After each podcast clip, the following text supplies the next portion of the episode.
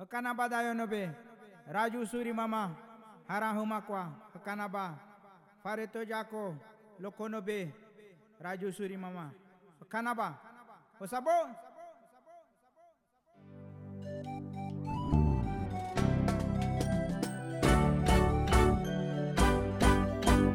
Dayonobe.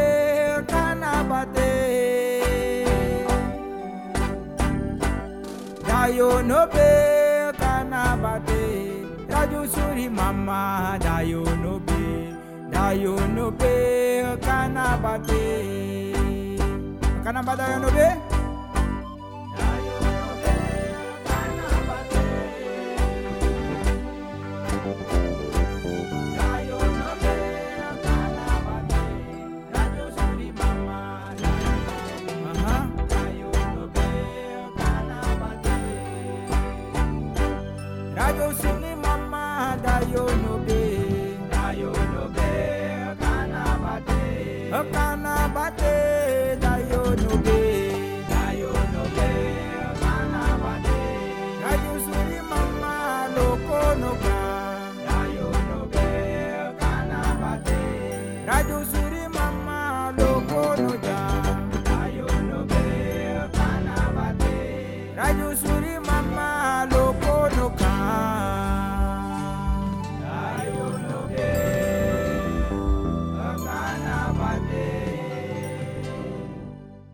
Goedemiddag luisteraars, welkom. U bent afgestemd op Radio Surimama. Wij zenden uit op de zondag van 4 tot 7. 4 uur middags tot 7 uur 's avonds. Ja luisteraars, Radio Surimama zendt nu drie jaar uit. En waar kunt u zo meteen naar luisteren? We gaan het hebben over eh, de Nederlandse Antillen, tussen haakjes Nederlandse Antillen. Want in feite is het Arawakke gebied, Arawakke Antillen. Daar hebben ook Arawakken geleefd en die leven er nog steeds. Zij het maar een paar, want er heeft heel veel mix ook daar plaatsgevonden. Net als in Suriname. In Suriname wonen er waarschijnlijk toch iets meer dan op de Nederlandse Antillen. Maar het is goed om te weten, eh, belangrijke informatie. Wij brengen de waarheid over de geschiedenis naar buiten. Want dat gebeurt niet op de Nederlandse media. In ieder geval niet wat betreft Suriname, Nederlandse Antillen, Amerika, etc. Daar houdt men zijn mond nog over, over het algemeen. Men maakt wel eens een filmpje, maar het is dan heel betrekkelijk. Maar het is goed om de informatie te delen. En daar hebben wij de gelegenheid voor. Wij maken door een, dus een reis door Aruba, Curaçao, eh, Sint Eustatius, Bonaire, Sint Maarten en misschien ben ik nog eentje vergeten. Maar in ieder geval, daar hebben de Arawakken, ofwel de Taino's, ook geleefd. Het is allemaal hun gebied, nog steeds. Hun woongebied. Zoals ook Jamaica, Haiti, Puerto Rico, Dominicaanse Republiek, Venezuela, Cuba, etc. En eh, daar zijn, hebben we filmpjes van gevonden. Het is niet de eerste keer dat we het laten horen over de Taino's in die gebieden. Want daar is er ook veel informatie over te vinden op YouTube en ehm, bepaalde bronnen. Maar je moet wel de juiste informatie hebben. Sommige is het heel beperkt. Aantal is het andere, op andere is het heel uitgebreid aangegeven, de informatie. Maar goed, vanuit Radio Surimama zijn we blij dat we ook dit kunnen delen met de luisteraars. Belangrijk om te weten. Daarnaast ga ik het hebben ook over uh, Amerikanen, inheemse stammen, die, uh, laat maar zo zeggen, daar is informatie over naar buiten gekomen dat het de Israëlieten zouden zijn. Dus zij zouden de echte Israëlieten zijn, het inheemse volk. En daar zijn bewijzen ook voor gevonden. Een steen met de tien geboden erop in Mexico. En zo ook nog andere overeenkomsten met de tijd uit de Bijbelse geschiedenis. ook in Peru kun je zien dat uh, de mensen ook gekleed gaan als de Bijbelse figuren toen de tijd. Ik zag een filmpje van, uh, vanuit Peru met uh, het Inca Zonnefeest. En daar zie je zo prachtig de mensen, allerlei stammen met diverse prachtige kleuren, klededracht, uh, poncho's, zie je dan lopen. En toen zag ik ook een soort vergelijking, de klededracht uh, van de Peruanen met de Israëlieten. Ook de schoenen, hetzelfde soort sandalen. ik dacht van wauw. Dus ik kan het ergens wel plaatsen. Wie weet wat er nog meer naar buiten komt. Want alles wat naar buiten moet komen, dat komt naar buiten. Dus daar ga ik het ook over hebben. Ik wil ook even bij zeggen dat uh, overal eigenlijk waar je leest over de Arawakken, wordt erbij verteld dat het hele vriendelijke mensen zijn geweest. Vriendelijk, gasvrij, rustig, goed van vertrouwen, creatief, intelligent. Dit zijn dingen die ik vaak tegen en dan zeg ik van wat een mooie erfenis hebben ze ook achtergelaten. Er worden nog steeds bepaalde gebruiksvoorwerpen um, gebruikt, wereldwijd, die zij ontworpen hebben, geproduceerd hebben, ontworpen hebben, hoe je het wil zeggen. Een daarvan is de hangmat. Het wordt genoemd, in het Taino wordt genoemd, Arawaks, hamaka. En zo ook de kano. Ook door hun ontworpen, ook door hun bedacht. En dat is niet door een andere volk of een andere bevolkingsgroep bedacht, zoals het soms wordt verteld. Er moet echt een boek geschreven worden met de waarheid. Het is heel belangrijk om de kinderen dat op school mee te geven. Want kinderen die moeten vaak uh, verslag maken of noem je dat uh, werkstukken. En je dient de kinderen dan de juiste informatie te geven. Het is niet goed om aan geschiedvervalsing te doen om jezelf naar boven te verheffen, want daar doe je kinderen mee tekort. Deel de juiste informatie. Dat is belangrijk. En weet je het zelf niet? Uh, vraag iemand erbij die daar wel van op de hoogte is. Want zo werken we naar iets verhogends. Als je via bedrog werkt, dan ben je op een laag niveau bezig. Je bent op een laag niveau. Eerlijkheid is op een hoog niveau. Bedrog is op een laag niveau bezig zijn. Dus dat is uh, belangrijk om te weten. Goed luisteraars, we gaan nu even naar muziek en dan ben ik straks bij je terug.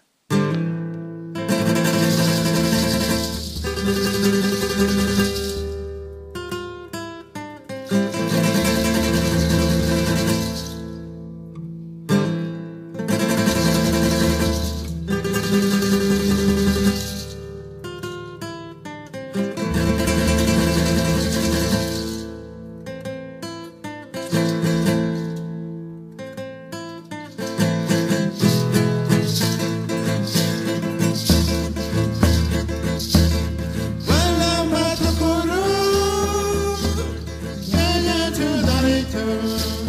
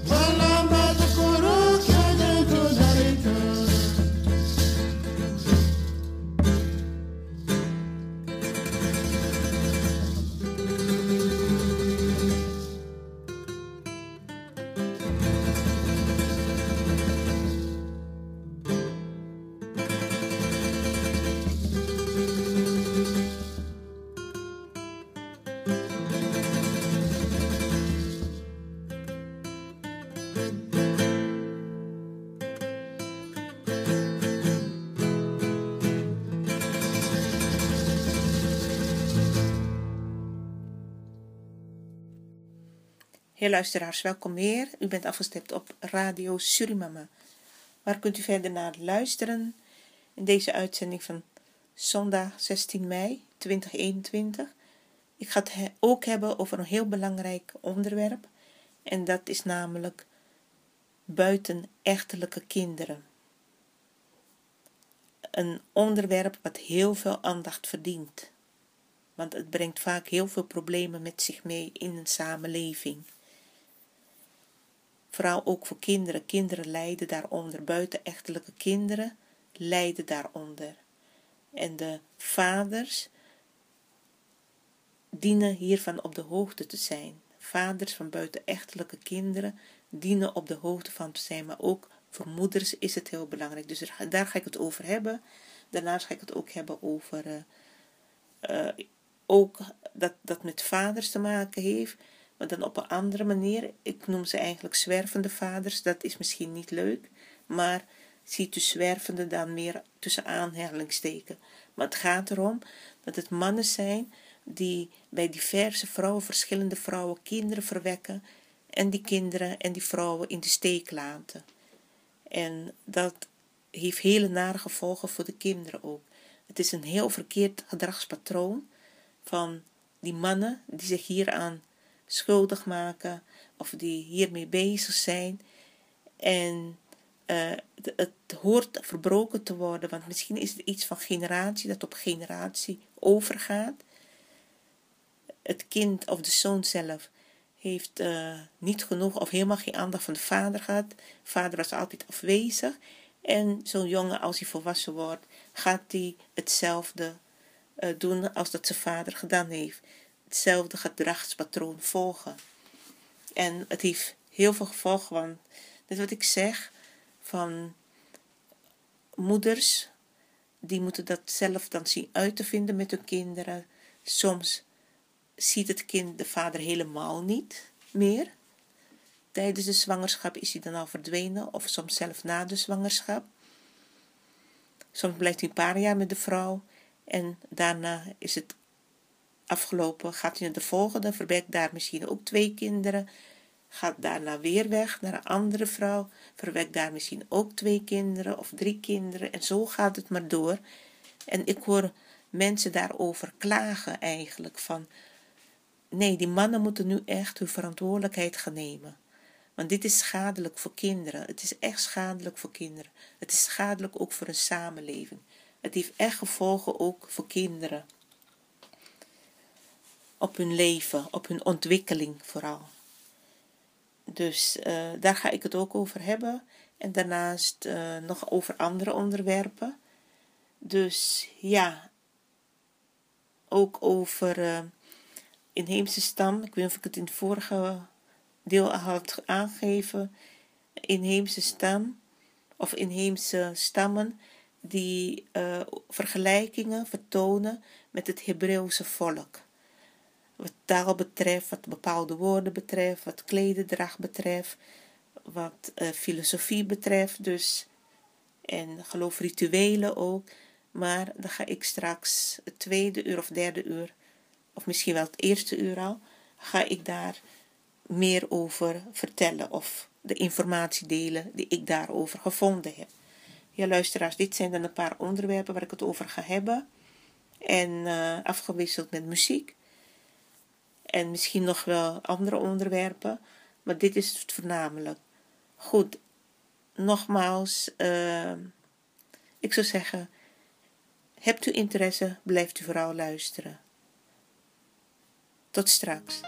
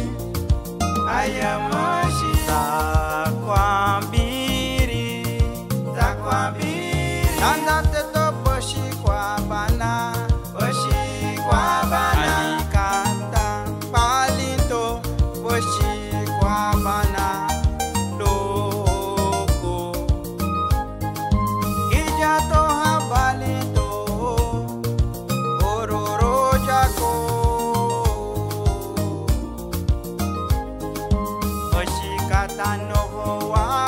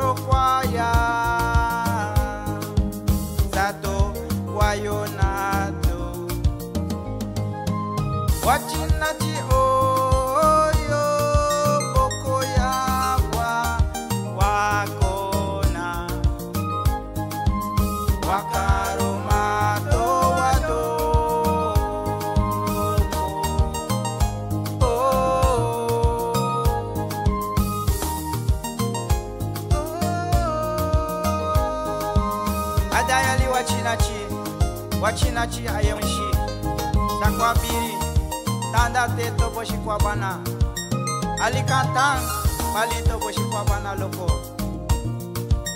Ija to ha balito ororo jako.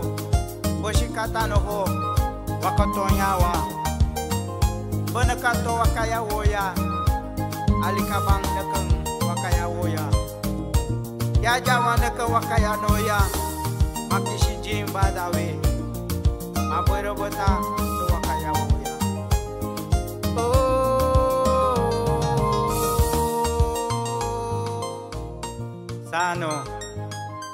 Adayali Wachinachi Hola amores, welcome back to my channel and to another Cultures of the Americas video. And for today, we'll be discussing the Taino Indians of the Caribbean. The Taino were an indigenous people of the Caribbean. At the time of European contact in the late 15th century, they were the principal inhabitants of most of Cuba, Hispaniola, the Dominican Republic, and Haiti, Jamaica, Puerto Rico, the Bahamas, and the northern Lesser Antilles. Spanish priest Bartolome de las Casas estimated that about 600,000 people lived in Jamaica and Puerto Rico, with as many as a million in Hispaniola. The ancestors of the Taino originated in South America, and the Taino culture, as documented, developed in the Caribbean.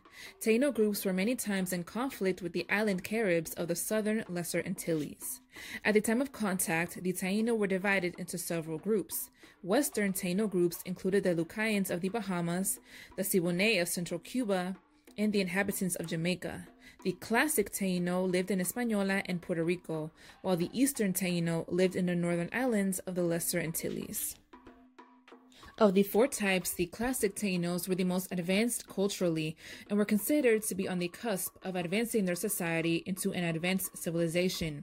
Advanced meaning having a written history, as they were also advanced in many other facets of human life.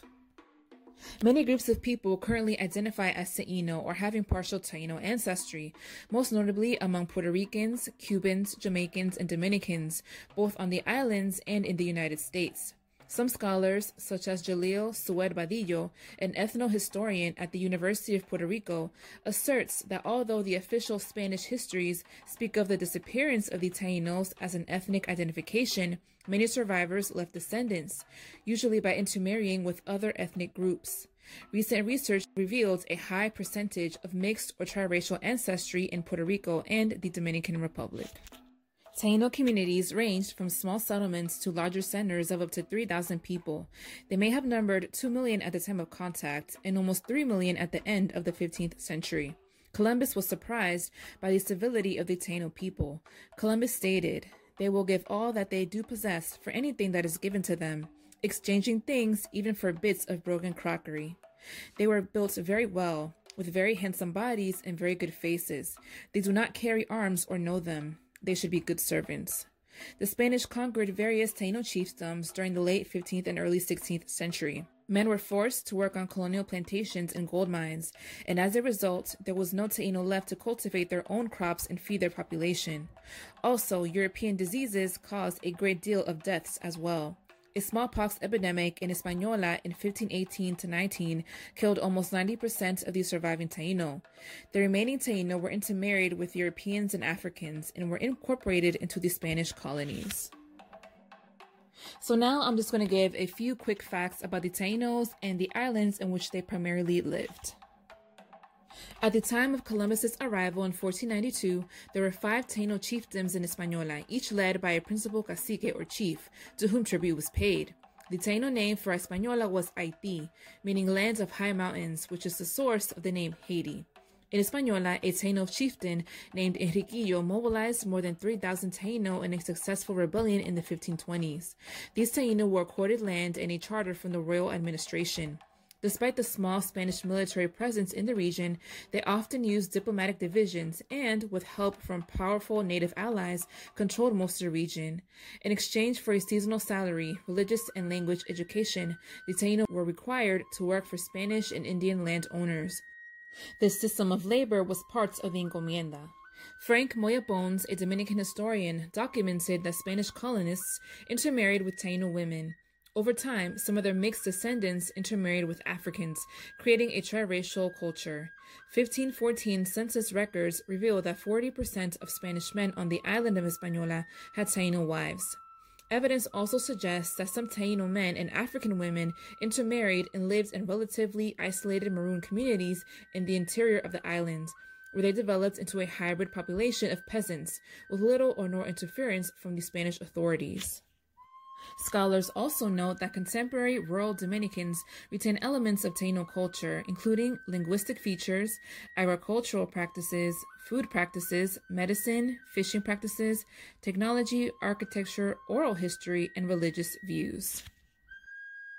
It is estimated that as many as 50,000 Taino lived in Puerto Rico at the time of Columbus's arrival in 1493.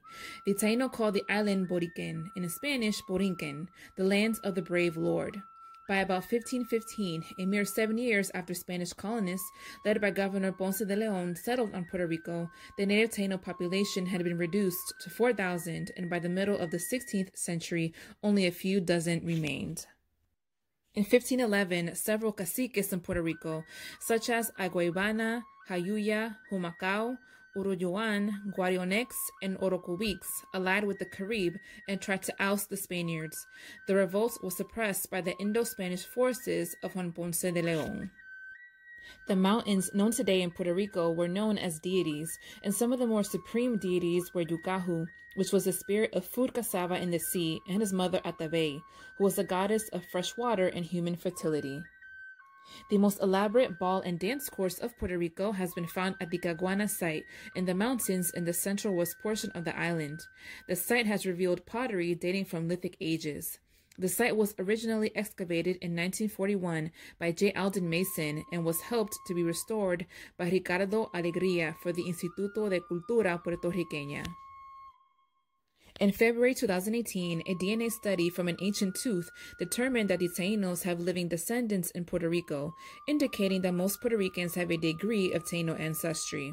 Also, a recent study of a population in eastern Puerto Rico, where the majority of persons tested claimed Taino ancestry and pedigree, showed that they had 61% maternal DNA and 0% Y chromosome DNA, in other words, distant paternal ancestry, demonstrating, as expected, that it is a hybrid Creole population.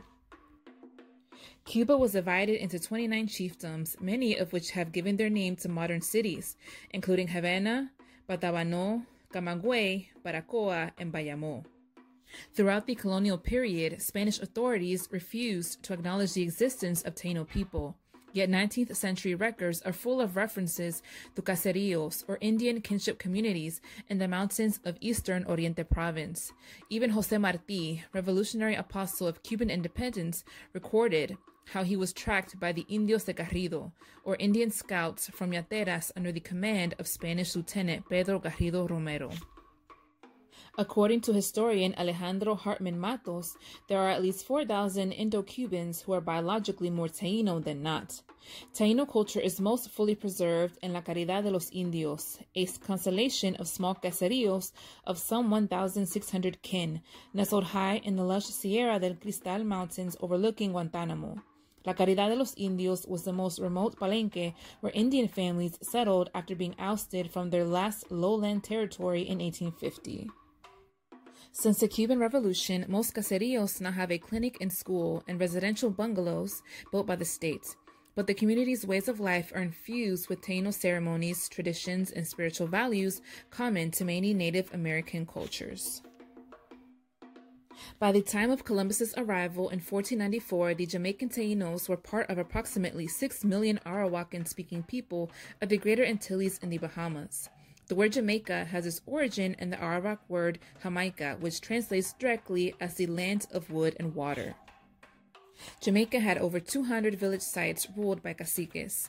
The southern coast of Jamaica was the most populated area at the time, especially around what is now Old Harbor.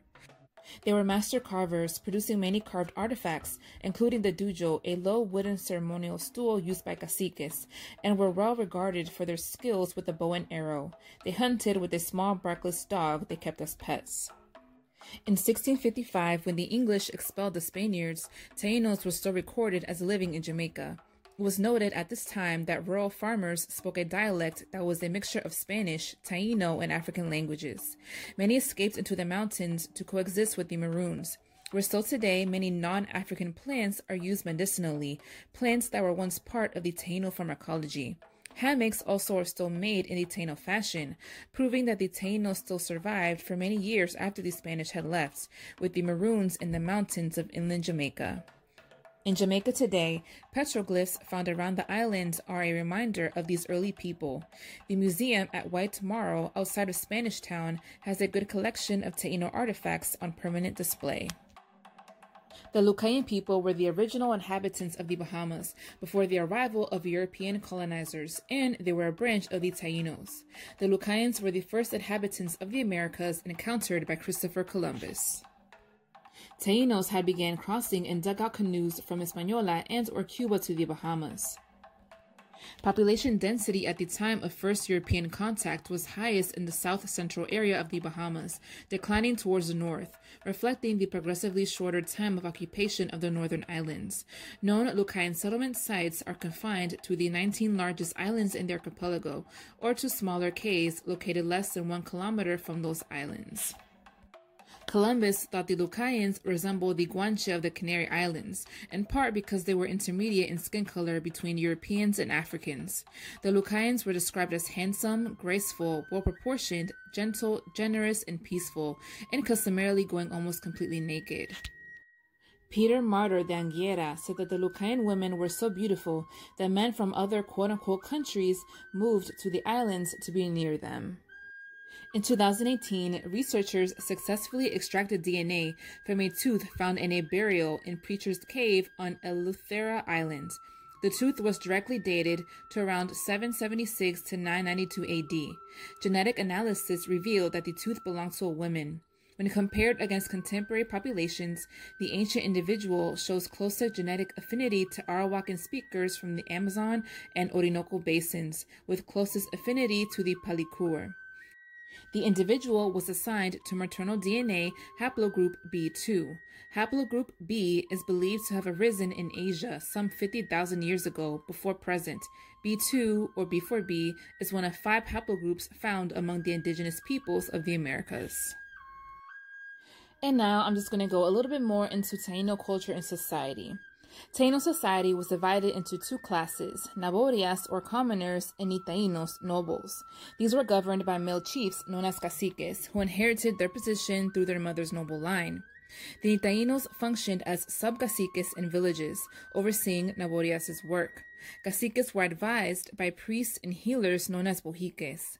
Caciques enjoyed the privilege of wearing golden pendants called guanin, living in square bohíos instead of the round ones of ordinary villagers, and sitting on wooden stools to be above the guests they received. Bohiques were extolled for their healing powers and ability to speak with deities. They were consulted and granted Taino permission to engage in important tasks. The Taino had a matrilineal system of kinship, descent, and inheritance. When a male heir was not present, the inheritance or succession would go to the oldest male child of the sister of the deceased. The Taino had an avunculocal postmarital residence, meaning a newly married couple lived in the household of the maternal uncle. He was more important in the lives of his niece's children than their biological father. The uncle introduced the boys to men's societies. Some Taino practiced polygamy. Men and sometimes women might have two or three spouses. A few caciques had as many as 30 wives. The Taino women were highly skilled in agriculture. The people depended on it, but the men also fished and hunted. They made fishing nets and ropes from cotton and palm. Their dugout canoes were made in various sizes, which could hold from 2 to 150 people. An average sized canoe would hold about 15 to 20 people. They used bows and arrows for hunting and developed the use of poisons on their arrowheads. Taino women commonly wore their hair with bangs in front and longer in the back, and they occasionally wore gold jewelry, paints, and or shells. Taino men and unmarried women were usually naked. After marriage, women wore a small cotton apron called a nagua. The Taino lived in settlements called yucayeques, which varied in size depending on the location. Those in Puerto Rico and Hispaniola were the largest, and those in the Bahamas were the smallest. In the center of a typical village was a central plaza, used for various social activities such as games, festivals, religious rituals, and public ceremonies. These plazas had many shapes, including oval, rectangular, narrow, and elongated. Ceremonies where the deeds of the ancestors were celebrated, called areitos, were celebrated there. The Taino played a ceremonial ball game called batey. Opposing teams had 10 to 30 players per team and used a solid rubber ball. Normally, the teams were composed of men, but occasionally women played the game as well. The classic Taino played in the village's center plaza or on especially designated rectangular ball courts called bateyes. Games on the batey are believed to have been used for conflict resolution between communities. The most elaborate ball courts are found at chiefdom boundaries.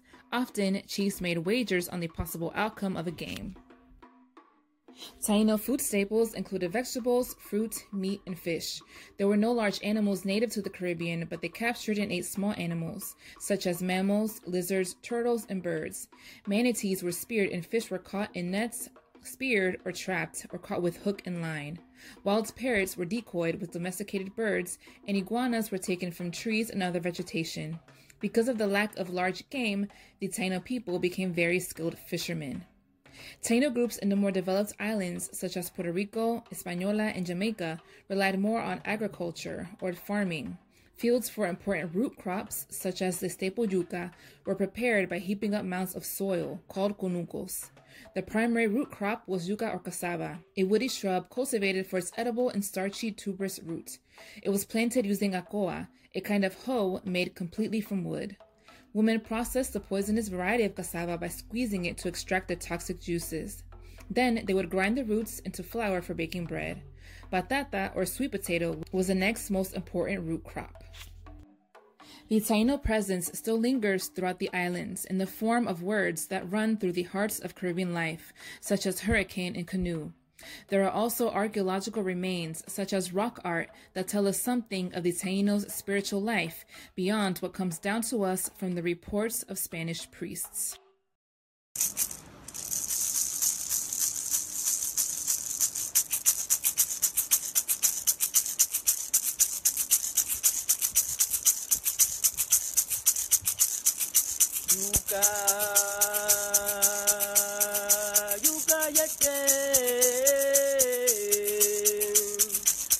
か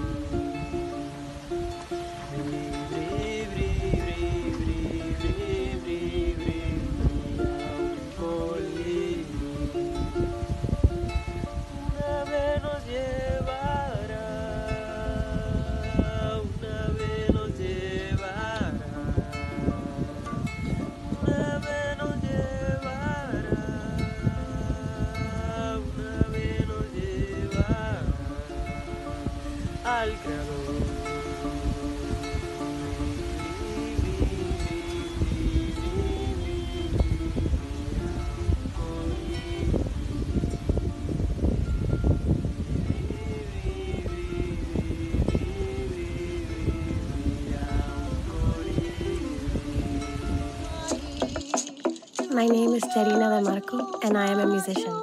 My mother's teachings have influenced my identity. You can't know where you're going if you don't know where you came from, and having your roots deep and steady allows you to bear fruit and grow.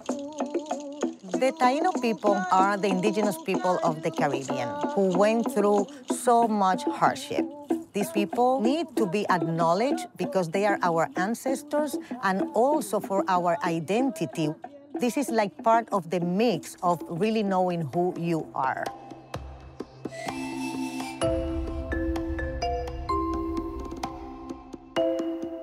We're going to build an altar. In the center will be the god of yuca. His name is Yúcahu Bagua Maórocoti. He can make the crops healthy and abundant. Then we are going to thank him for the work that he's going to do. My mother moved here and we started implementing the Taino ceremonies. And sure enough, we blessed it and my garden went wild. It became a tradition in my house to always, before the, we plant everything, we make the ceremony. My mother would bring me into forests and jungles, and she would teach me the names of all of the trees and the fruits. And I still to this day walk around the neighborhood and I can name you pretty much every tree that comes from her.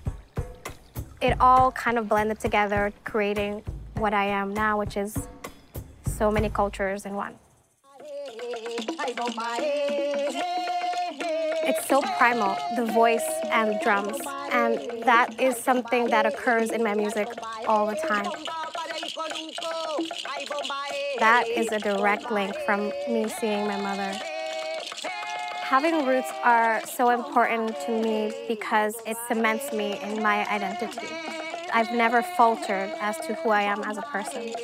I know who I am and where I come from, and that gives me so much strength and compassion.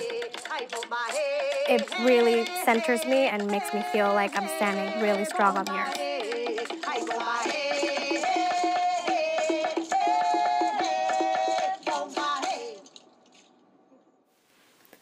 Curaçao, een stukje geschiedenis. Curaçao zal in 1499 ontdekt zijn door de Spanjaard Alonso de Ojeda, zoals ook in Suriname. Echter hierover is geen enkel schriftelijk bewijs of bekend. Wel is van Amerigo Vespuccio, naar wie het Amerikaanse continent is vernoemd, bekend dat hij Curaçao heeft bezocht. Over de oorspronkelijke bewoners van Curaçao is weinig bekend. Ja, daar heeft men voor gezorgd dat er weinig bekend bleef en weinig informatie. De tijden van de ontdekking van Curaçao werd het eiland bewoond door inheemsen, de Arawakken. Deze Arawakken werden ook wel ingedeeld bij de Taino's. Deze waren vermoedelijk afkomstig van het vasteland van Zuid-Amerika. De Spanjaarden noemden het eiland Isla de los Gigantes, het eiland van de reuzen, omdat de inheemsen, ofwel de Arawakken, met kop en schouders boven de Spanjaarden uitstaken. Dus de Arawakken waren groter dan de Spanjaarden, groter van bouw. Dat is iets wat ook bekend moet uh, blijven. Waar de naam Curaçao vandaan komt is niet geheel duidelijk. Hierover gaan meerdere verhalen. Spaanse kaartenmakers zullen het eiland Corazon, wat hart betekent, genoemd hebben en dat veranderde in Curaçao. In Curaçao in het Portugees door de Portugese kaartenmakers. Een ander verhaal is dat Vespuccio een aantal bemanningsleden met scheurbuik op Curaçao achterliet en toen hij op de terug deze weer oppikte, deze geheel genezen waren door de overvloed aan vers fruit op het eiland. Niet alleen vers fruit, maar natuurlijk de vitamines. Cura betekent in het Portugees genezing. Niet lang na de terugkeer van Ojeda in Spanje gingen Spaanse kolonisten naar het eiland. Lang heeft dit niet geduurd, omdat het eiland weinig goud, op het eiland weinig goud te vinden was. En er te weinig zoetwater was om grote boerenbedrijven op te zetten. In 1515 werden de Arawakken door de Spanjaarden als slaven afgevoerd naar Hispaniola. Curaçao bleef tot 1634 in Spaanse handen. In augustus 1634 kwam na de verovering van het eiland Curaçao in augustus 1634 kwam na de verovering van het eiland Curaçao in Nederlands bezit. In 1634 kwam Curaçao dus al in Nederlands bezit. Ze hebben het gewoon in hun bezit genomen. Het kwam niet tot hun bezit zomaar. Dus men moet wel eerlijk schrijven. De West-Indische Compagnie tekende in 1634 het verdrag van de Spanjaarden met de Spanjaarden. De reden voor de inval en de verovering van Curaçao was gelegen in het feit dat de WIC op zoek was naar een uitvalbasis voor de handel en de kaapvaart.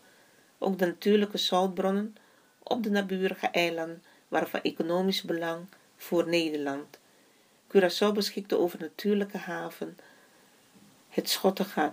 Om zijn bezittingen te kunnen verdedigen, bij de Ronde Haven en ook elders op het eiland, onder andere bij de waterbron aan de noordoostkant van de Sint-Annabaai, een fort gebouwd.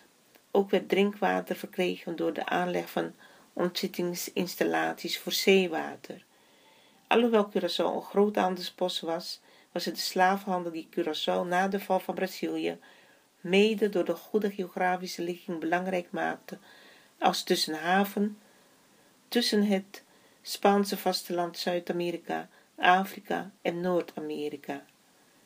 Omdat de lokale inheemse bevolking niet geschikt was als arbeidskracht, zo zei men, maar dat, ze diende ook gewoon helemaal niet als arbeidskracht gebruikt te worden, maar in ieder geval zoals men aangeeft, waren niet geschikt als arbeidskracht, werd de belangrijkste handelswaar de slavenhandel, waarmee grote winsten werden gemaakt. Vanaf 1665 begon de WIC met de slavenhandel. Vanuit Afrika, Ghana, Ivoorkust, Goudkust, werden negerslaven, oh sorry, ja, er staat negerslaven, dat lees je heel snel, maar in ieder geval slaven naar Curaçao vervoerd. Vanaf 1713 ging het berg afwaarts met de slavenhandel, onder andere door de Engelse concurrentie. De Engelse concurrentie, die waren daar ook, ja. In 1795 brak er onder leiding van de slaaf Tula een opstand onder de slaven uit. Deze opstand werd bloedig neergeslagen. In 1818 werd een verdrag met Engeland gesloten om de slavenhandel tegen te gaan. In 1863 werd in Holland en daarmee ook op Curaçao en de andere eilanden uiteindelijk de slavenhandel afgeschaft. Dus de slaaf kwam in opstand en over deze slaaf heeft men het nu. Ook uh, op 1 juli. Dus de Afrikanen die behandelen alleen hun stukjes uit de geschiedenis. En ja, zoals ze ook aangegeven hebben, de inheemse moet die van hunzelf behandelen. Dat is wel duidelijk hier dan. Want voor de rest hoor je niets meer over de uitbuiting, de onderdrukking, de hebzucht van Arawaks gebied. Van 1673 tot omstreeks 1800 werd Curaçao door de Fransen herhaaldelijk aangevallen. Echter tot enig succes leidde dit niet. Daarna vielen de Engelsen Curaçao aan. In 1807 werd Curaçao door de Engelsen veroverd. In 1814 werd tijdens de conventie van Londen Curaçao aan Nederland teruggegeven. De grote bloeiperiode was toen echter reeds lang voorbij. Tegen het einde van de 19e eeuw bevond Curaçao zich in een diepe crisis. Oosten mislukten en de handel ging sterk achteruit. Nou, op deze pagina zijn er ook allerlei postzegels te zien uh, door de jaren heen. En op een van ze staat een inheems meisje, jonge dame, afgebeeld. En dit is dus het bewijs toch van wie uh, Curaçao, aan wie Curaçao toebehoorde. Dat is toch een bewijs. De waarheid komt aan het licht. Het eindigt allemaal met de waarheid. En het begint allemaal opnieuw ook weer met de waarheid.